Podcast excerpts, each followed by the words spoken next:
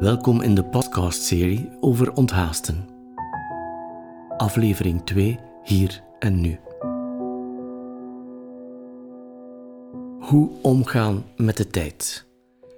De Bijbelse levenswijsheid leert ons ieder ogenblik naar waarde te schatten, in te stemmen met het moment zoals het komt, met de tijden zoals ze zich aandienen in al hun verscheidenheid of hun tegenstrijdigheid ook. Luister naar Prediker, een wijsheidsleraar uit het Oude Testament. Voor alles wat er gebeurt is er een uur, een tijd voor alles wat er is onder de hemel.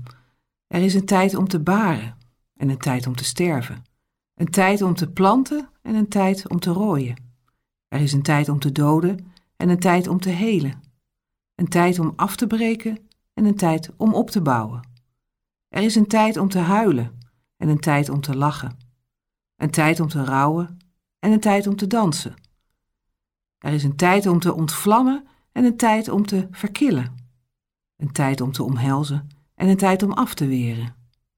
Er is een tijd om te zoeken en een tijd om te verliezen, een tijd om te bewaren en een tijd om weg te gooien. Er is een tijd om te scheuren en een tijd om te herstellen. Een tijd om te zwijgen en een tijd om te spreken. Er is een tijd om lief te hebben en een tijd om te haten. Er is een tijd voor oorlog en er is een tijd voor vrede.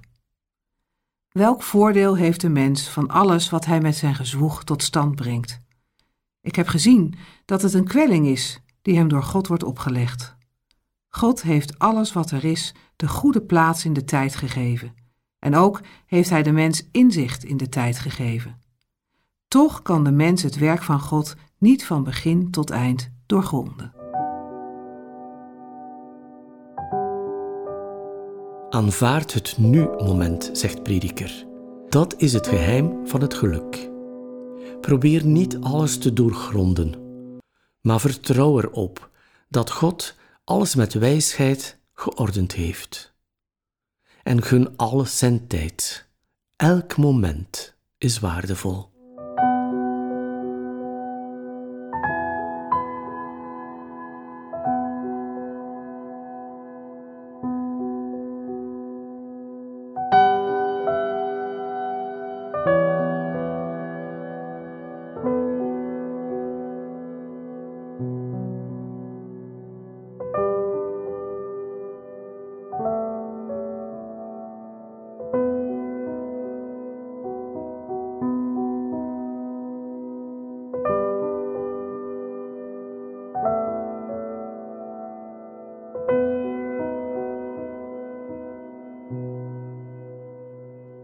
Er was eens een oude wijze man die gevraagd werd naar het geheim van zijn leven.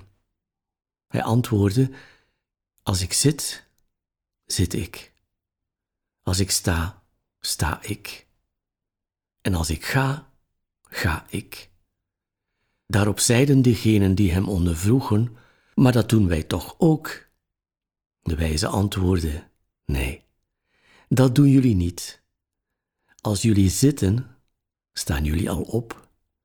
En als jullie staan, zijn jullie al aan het gaan. En als jullie gaan, zijn jullie alweer aan het zitten.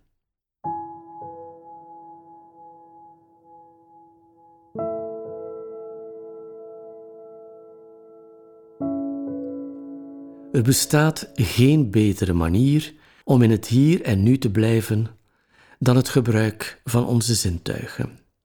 Zien, horen, voelen, ruiken, proeven. Je gebruikt je zintuigen niet alleen omwille van nut en voordeel. Je kan zelf ook openstaan voor je zintuigen.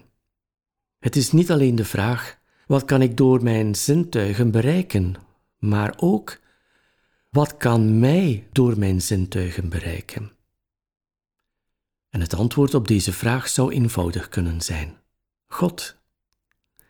Hoe paradoxaal het ook mag klinken, God wordt geschouwd, gehoord, aangeraakt, ja zelfs gesmaakt. In de woorden van Psalm 34 staat: Proef en geniet de goedheid van de Heer. Gelukkig de mens die bij Hem schuilt.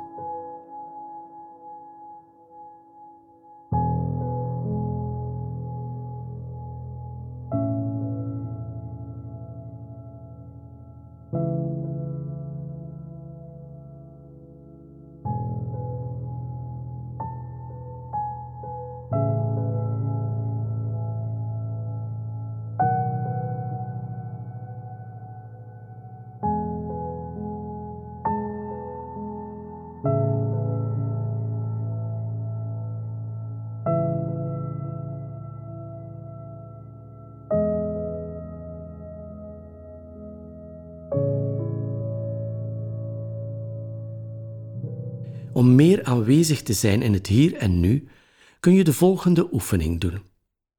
Ga naar buiten, de natuur in, maar het kan evengoed in de stad. Kun je niet naar buiten, ga dan in een gemakkelijke zetel voor het raam zitten. Laat het denken en oordelen zoveel mogelijk achter je en probeer alleen waar te nemen. Wat zie je? Wat hoor je? Ruik je iets? Kun je iets voelen, proeven? En vooral, analyseer je indrukken niet, neem alleen waar. Wees helemaal aanwezig in je zintuigen. Wees er gewoon. Geniet van dit ogenblik dat je gegeven wordt.